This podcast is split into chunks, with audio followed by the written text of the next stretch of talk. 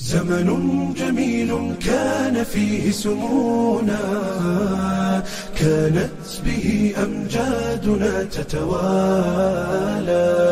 كانت عزائم أمتي خفاقة والله أكبر في السماء تتعالى والله أكبر في السماء تتعالى والله أكبر في السماء تتعالى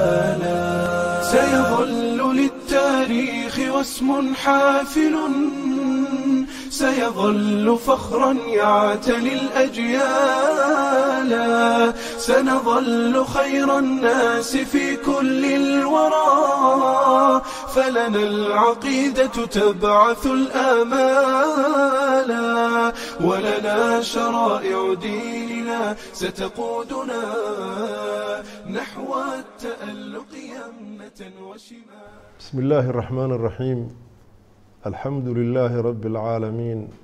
والعاقبة للمتقين ولا عدوان إلا على الظالمين وصلى اللهم على محمد وعلى آله وصحبه وسلم أجمعين ama bacd daawadayaal ku soo dhawaada waa mar kale iyo barnaamijka aan ugu magacdarnay aariiq ila sadc ama sidii aan ku sadcinnay barnaamijkaasoo jamaacada asaadicuuna bilxaq ay ugu tala gashay inay dadka la wadaagto bisha ramadaan ee barakaysan. Barnaamijkaas waxaan ku wareysanaynaa xubno ka tirsan jamaacada asaadicuuna bilxaq si aan ugu kuurgalno waxna uga ogaano geedi socodkoodii sadciga halkay ka soo bilaabeen ilaa iyo halkii ay xaqa kula soo bannaan baxeen intiinii la socotay xalaqadii inoogu dambeysay waxaan soo gaarnay oo aan ku soo gebagabeynay manhajkii ay xarakadu qaadatay ee ahaa manhajul ambiyaa oo ahaa in dacwadani ay dacwadii nabiga calayhi salaatu wassalaam siduu xaqan dadka ku gaarsiiyey in la raaco. Marxaladiisa ugu horeysaana ay ahayd marxalatu siriya ayaan waxaan ku soo gebagabeynay ahdaafta marxaladaas inay ka mid ahayd in macnaha waxaa weeye la tarbiyeeyo oo dadkii dacwadan ajiibay diintan ay noqoto diin ay ku noolaadeen oo dhinac walba ay kaga noolaadeen hadday cilmi tahay hadday dhaqan tahay intaba. Marka caawa waxaa xalaqada noogu muxuuha marti ah alustaad maxamed cali mire ustaad soo dhowow daawadayaal adinkiiyo dayfkaba waxaan leeyahay assalaamu calaykum waraxmat ullaahi wabarakaatu ustaadii sidaan horey u soo sheegnay ahdaafta marxala siriya waxaa lagu soo sheegay inay tahay in dadka la tarbiyeeyo. Tarbiyadaasoo macnaheedu ay tahay dadku inay ku noolaadaan islaamkii. Hadday noqoto caqiide iyo hadday noqoto cibaado iyo hadday noqoto shareeco hadday noqoto dhaqan inay dadkii diintii la falgalaan. Su'aasha marka muhimkaa oo yani runtii in la ifiyo u baahan waxaa weeye maxaad yani maxaad ku tarbiyoobeyseen maxaa maadadiina tarbiyadu maxay ahayd bismi illaahi raxmaan raxiim waa mahadsantaha cabdilaahi horta waxaan su'aashaadaas hordhac uga dhigan lahaa. Ilaahi subxaana wa tacaala rasuul kasta markuu ummad u soo dirayo wuxuu ku soo lamaanin jiray aayad ama mucjizad ay ku gartaan ummadda loo soo diray inuu ilaahay subxaana wa tacaala xaggiisa ka yimid oo laga soo diray. Rasuulkeenna marka salawaatu ullahi wasalaamu caleyh u nimaadna aayadda ama calaamadda ilaahay subxana wa tacala ama mucjisada uu soo siiyey waxaa weye waa qur'aanka qur'aanka marka waa aayaddii ku tusinaysay rasuulkeena salawaatu ullahi wasalamu aleyh inuu xaq yahay waxa uu xambaarsan yahayna ilahay xaggiisa uu ka keenay subxana wa tacala maxaa yeele ilahay baa qur'aanka noogu sheegay wuxuu yidhi wamaa yantiqu cani ilhawa in huwa ilaa waxyun yuuxa. Marka wax kasta oo rasuulku uu ilaahay subxana wa tacala xaggiisa kala yimid qur'aankii iyo xadiista waa u imaan doonaa macnaha ilahay xaggiisu ka keenay subxaana wa tacaala. Rasuulka marka salawaatu ullahi wasalaamu caleyh qur'aankaas ilaahay u soo waxyooday.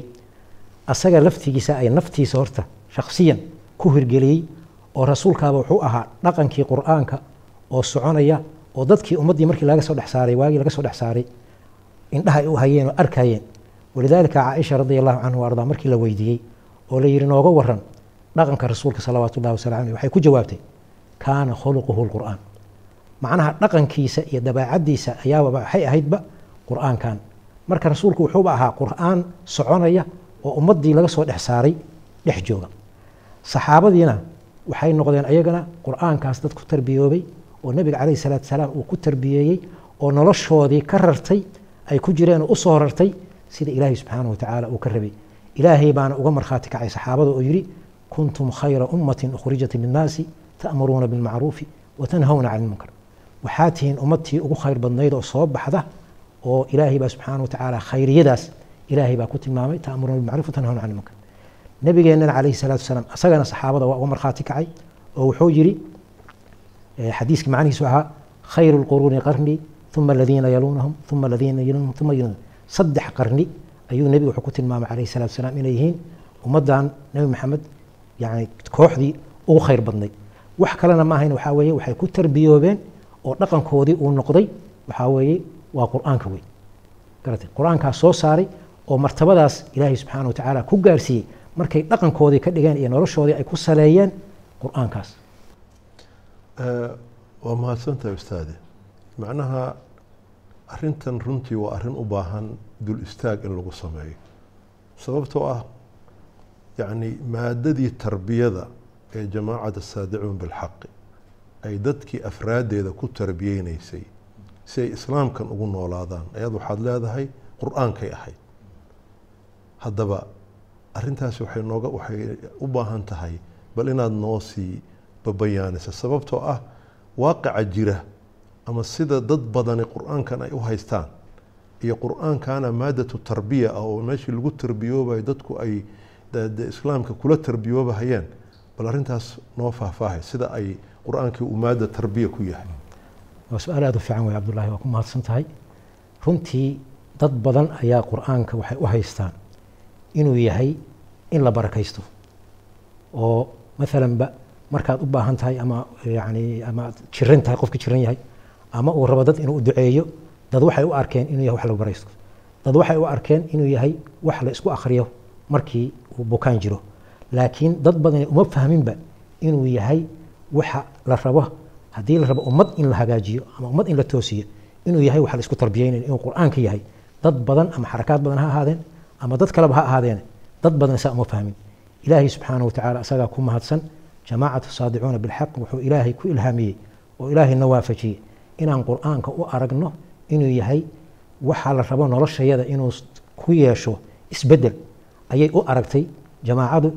meesha ay u arkeenna wuxuu noqday qur'aanka kan taasna waxaan ka tusaale qaadanay runtii in waqtigii nebiga calayhi salaatu wasalaam oo saxaabadu ay joogtay in cumar ibn khataab radi allahu canhu ardaa uu ku arkay rasuulka salawaatu llahi wasalam caleyh isagoo wata qoraal ay ku qoran tahay towreed oo markuu weydiiyena wuxuu yidhi waa towreed maarata nebiga calayhi salatu wasalaam aad buu runtii u carooday oo wejigay ka akhrisan wejigiisay ka akhrisan jireen saxaabadu caradiisa meeshay gaarsiisan tahay ilaa uu cumar ku yidhaahdo radi allahu canhu ardaa. Hadduu iska dhaaf adiga eh hadduu nebi muuse xataa joogi lahaa uma banaanaateen ilaa inuu iraaca maane. Taas oo macnaheedu uu yahay rasuulka salawaatu ullahi wasalaamu caleyh inuu rabay saxaabada inuu fahamsiiyo waxa keliya oo la raba inay ka biyo oo noloshooda ay ku saleeyaan oo ay ku dhaqmaan inuu yahay qur'aanka keliya. Runtii annagana ilaahay wuxuuna waafajiyey inaan ku gaabsanno oo masderka keliya meesha keliya aan ka biyo cabayno oo aan rabno inaan jamaacadda faraada ka tirsan ay ka biyo cabaan inuu yahay yacni qur'aanka. Maxaa yeeley qur'aanku waagii uu soo degayey wuxuu u soo degay qayb qayb hadba baahida markaa jirtay oo ilaahay rabi subxaana wa tacaala saxaabada inuu ka daaweeyo qur'aanka isagoo munajam ah ayaa ilaahay soo dejiyey subxaana wa tacaala. Maanta laakiin qur'aankii waa kaamil weeye ma garatay? Laakiin annagoo ka tusaale qaadayna habkaas ilaahay subxaana wa tacala uu ku tarbiyeeyey ayaan waxaan isku tarbiyeyn jirnay qur'aanka inaan qaadanno oo sida uu noo tilmaamayo ma garatay? Inaan ka bilowno maalan qur'aanka makiga oo kale ma garatay? Si aan ugu tarbiyeyno oo nolosheena u noqoto nolol isku bedesha ma garatay wixii ay soo mareen saxaabada. Runtii marka dariiqaas tilmaamihiisa meelahan ka tusaale qaadanayn waxaa ka mid a ilaahay subxaana watacaala saxaabada isagoo ka hadlaya waatuu yidhi والسابقون الأولون من المهاجرين والأنصار والذين اتبعوهم بإحسان رضي الله عنهم وأرضوه رضي الله عنهم رضي الله عنهم ورضوا عنه وأعد لهم جنات تجري تحتها الأنهار خالدين فيها أبدا ذلك الفوز العظيم ilaahay subxaana watacaala waxaa layidhi muhaajiriintii iyo saabiqiintii hore iyo kuwa raacay biixsaan wanaag ku raacay wanaagga ku raacay maxay yahay marka macnaheed muxuu yahay waxaa weeye qur'aankaanay ku tarbiyoobeen asagay noloshoodii ku saleeyeen asagay dhaqan ka dhigteen asagay ku barbaareen asagay ku koreen dad ilaahay subxaana watacaala sida aayado badan qur'aanka noogu tilmaamay qof dhintay oo soo noolaaday qur'aan ka dhigaya sida ilahay uu yidhi subxana watacaala awaman kaana maytan fa axyaynaahu wajacalnaa lahu nuuran yamshi bihi fi nnaasi kaman mathaluhu fi dulumaati laysa bikhaarijin minha macnaha qur'aankani wuxuu tarbiyada la sheegaya waxaa weeye mugdi buu kaa saarayaa iftiin buu kaa saaraya indhala-aan buu kaa saarayaa wuxuu kuu saarayaa aragti buu kuu saaraya macnaha tarbiyada aan sheegayna waxaa weeye qofkii oo dhan oo isbedelahayo caqliyadiisii ruuxdiisii noloshiisii xayaatadiisii oo dhan baa laga rarayaa waxaa loo rarayaa sida ilaahay subxaana wa tacaala uu ka rabo sida rasuulku uu ka rabo sida diintu ka rabto saasaa la rabaa qofka marka tarbiyada aan sheegayna waxaa weeye inaan ilaahayna fahamsiiyo subxaana wa tacaala inaan qaadanno sida qur'aanku uu noo tilmaamayo oo ah oo alla naga rabo. Rasuulka salawaatu ullahi wasalaamu caleyh sida uu noo tilmaamayo sida ay diintu noo tilmaamayso. Runtii marka meesha aan ka biyo oo aan ku tarbiyownay waxay ahayd qur'aanka. Waxaa soo raacay sunnada rasuulka salawaatu ullahi wasalaamu caleyh oo iyaduna ahayd runtii haddee shaarix qur'aankii nabiga alay slat slam hadalkay ku soo sheegayba. Macnaha dhaqankii nabiga alayh salatu wasalaam ka muuqday u ahaa oo uu u tilmaamayey saxaabada inuu ku tarbiyeeyo ma garatay noloshiisa uuna waxa ay u baahan yihiin oo tawjiihaad ah ama tusaaleyn ahna uu sameeyo. Annagana runtii waxyaalaha marka qur'aanka laga soo tago waxay ahayd yani masderka labaad oo aan ka biicabayn wuxuu ahaa axaadiistii rasuulka salawaatu ullahi wasalaamu caleyh iyo sidoo kale dhaqankii saxaabada ridwaan ullahi calayhim ajmaciin oo hadda waanigii soo sheegay macnaha macnaha tilmaamihii macnaha quruuntaas khayrka badan maadaama ay yihiin waxaa weeye waxay ahayd ama xadiiskii nabiga alayh salatu wasalaam uu ku tilmaamayey calaykum bisunnatii wa sunnati alkhulafaa'i araashidiin garatay marka saddexdaas qaybood ayay mugta jacaamada ilaahay jamaacatu saadicuuna bilxaq ilaahay uu waafajiyey subxaanahu wa tacaala inay u noqdo qur'aanka ay isku tarbiyeynayaan saldhigga ay ka biyo cabayaan laakiin runtii waad arkaysaa dad badan oo tubtaa ka leexday oo meelo kala fiishay oo u leexday. Marka ilaahay waa naga leexiyey subxaanahu wa tacaala oo waxaan ku gaabsannay qur'aanka inaan ka dhiganno meesha keliya oo aan ka biyo cabayno oo nolosha aan aragno inay isku bedesho ولنا شرائع ديننا ستقودنا نحو التألق يمنة وشمالا. نحو التألق يمنة وشمالا. ما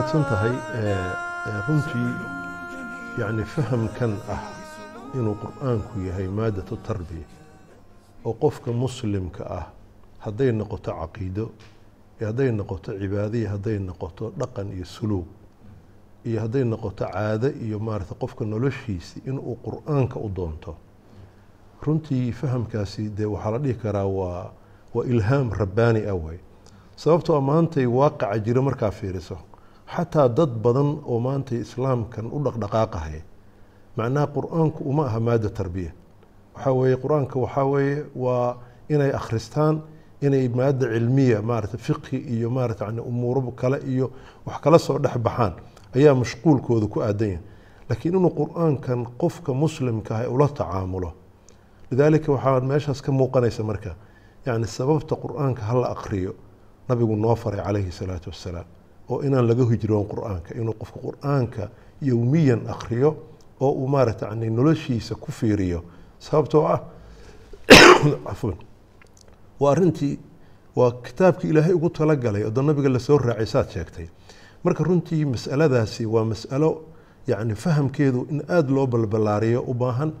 lana dhihi karo maarata towfiiq ilaahay subxaanahu watacaala uu waafajiyey jamacada saadicuuna bilxaq marka bal inaad waxaan jeclaan lahaa bal aad wax ka tilmaanto sidii yani waaqic ahaan yani yani bal inaad noo yara